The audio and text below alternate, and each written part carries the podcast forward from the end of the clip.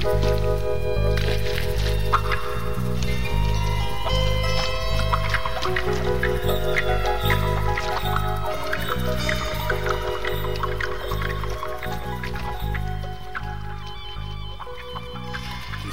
drypp ved Terje Ellefsen.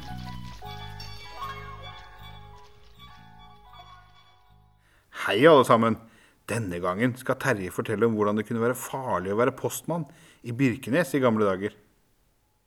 Posten skal fram. Før dampskipenes tid ble posten sendt med rytter. Som det følgende vil vise, kunne postveien gjennom Birkenes være spesielt skummel. Før 1600-tallet hadde vi ikke noe organisert postvesen her til lands. Skulle man gi skriftlig beskjed om noe, måtte man vær så god å sende et eget bud i den anledning. I middelalderen brukte man skinnbrev eller runepinner. Håkon Håkonssons saga har et flott eksempel. En søndag før kong Håkon skulle seile fra Bergen, red han som han pleide opp til Årstad. Da kom det løpende en mann ned fra fjellet mot ham. Kongen syntes det var underlig at han hadde en slik hast, for kongen kjente mannen, det var en ribbung. Han hadde et runekjevle med seg, som en ribbung sendte kongen. På det sto det at kong Sigurd Ribbung var død, og kongen ble bedt om å gjøre noe fort, så ikke hans frende junker Knut skulle komme og gi ribbungene ny styrke. Interessant nok så velger kong Haakon å besvare runebrevet med et skinnbrev. Men pergament var ikke for alle. Det var som oftest lagd av kalveskinn, et dyrt materiale. Da papiret kom på 1300-tallet, ble det atskillig billigere å kunne skrive. Bruken av runer forsvinner for øvrig i løpet av 1400-tallet, og det er altså papiret som ble det vanlige skrivematerialet. 17.1.1647 ble nederlandske H. Morian gitt kongelig privilegium på å drive det norske postvesenet i 20 år.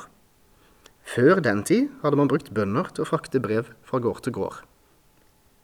Det ble forventa at postveien skulle være så brei at en rytter med spyd liggende foran seg kunne ri uten at noen av spydets ender skulle hindres av vegetasjonen.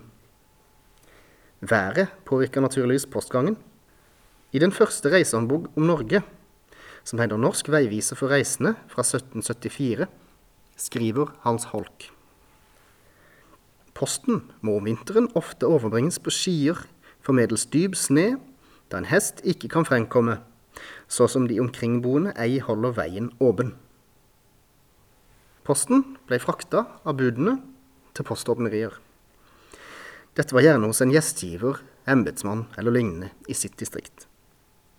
Visse brev slapp porto, men private brev var ikke blant disse. Det var lov å sende penger i posten, og det var sannsynligvis derfor det følgende skjedde. I Norsk Rikstidende nummer to i 1827, utgitt mandag 5. februar, kan vi lese følgende stykke. Efter at den postkarl som natten imellom den syvende og åttende forrige måned førte Kristiania Post, hadde angivet at han imellom postgårdene Tvede og Foss ved Lillesand var blevet forfulgt av to personer som han unngikk ved at ride meget sterkt, ble et forhør opptaget, hvorved imidlertid intet videre om tildragelsen opplystes, enn at postkarlen av fryktsomhet fordi ham forfølgende personer forlot postveien, og fra nærmeste gård fikk Tvende Karle til å ledsage seg videre. Postgården Foss ligger for øvrig i Tveit. Dette har altså skjedd mellom Tveide og Foss natt til 8.1.1827. Og vi kan bare tenke oss og redd det stakkars postbudet må ha vært denne vinternatta. Men dette var ikke et engangstilfelle. Fra Stenor Stenersens tid han døde i Italia i 1828. Har vi følgende beretning om en farlig tur på postveien fra Møglestu til Kristiansand. Den er nedskrevet av kirkesanger Velle Vellesen en gang på 1890-tallet, og trykt i avisa Lillesands Tidende i 1918. Med sine glube hester kjørte han meget fort. Til en av sine skipsførere som skulle kjøre til Kristiansand, sa han en gang Jeg behøver tre og en halv time, men du, som er så meget lettere, kan gjøre det i adskillig kortere tid. Vi må huske på at veien til Kristiansand var den gang meget besværligere enn nå, med lange og bratte bakker over Tvedåsen og på den annen side av Toppdalselven. Noe kortere var den dog. Der fortelles at han en gang kjørte til Kristiansand og førte med seg et særdeles stort pengebeløp. Han kom godt og vel frem og tok som vanlig inn til sin svoger, postmester Heierdal. Utpå aften merket Stenersen en påfallende uro i postmesterens atferd og vesen. Adspurt av Stenersen om hva det var i veien, svarte postmesteren at han var så engstelig for posten, som skulle ha vært her for over to timer siden. Det var da merkelig, sa Stenersen. Jeg hørte posthornet i bakken efter meg en god del av veien. Morgenen efter fikk man underretning om at posten var blitt røvet og postføreren nesten i ihjelslått.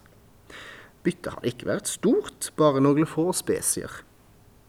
Hvis røverne derimot hadde kastet seg over Stenersen, hadde de gjort en ganske annerledes stor fangst.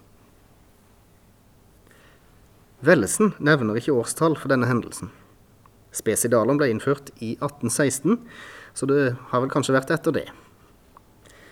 Det sies heller ikke hvor det skjedde, men siden veien gjennom Vestermoland ligger i relativt flatt terreng, har det trolig vært i Birkenes, eventuelt i Tveit.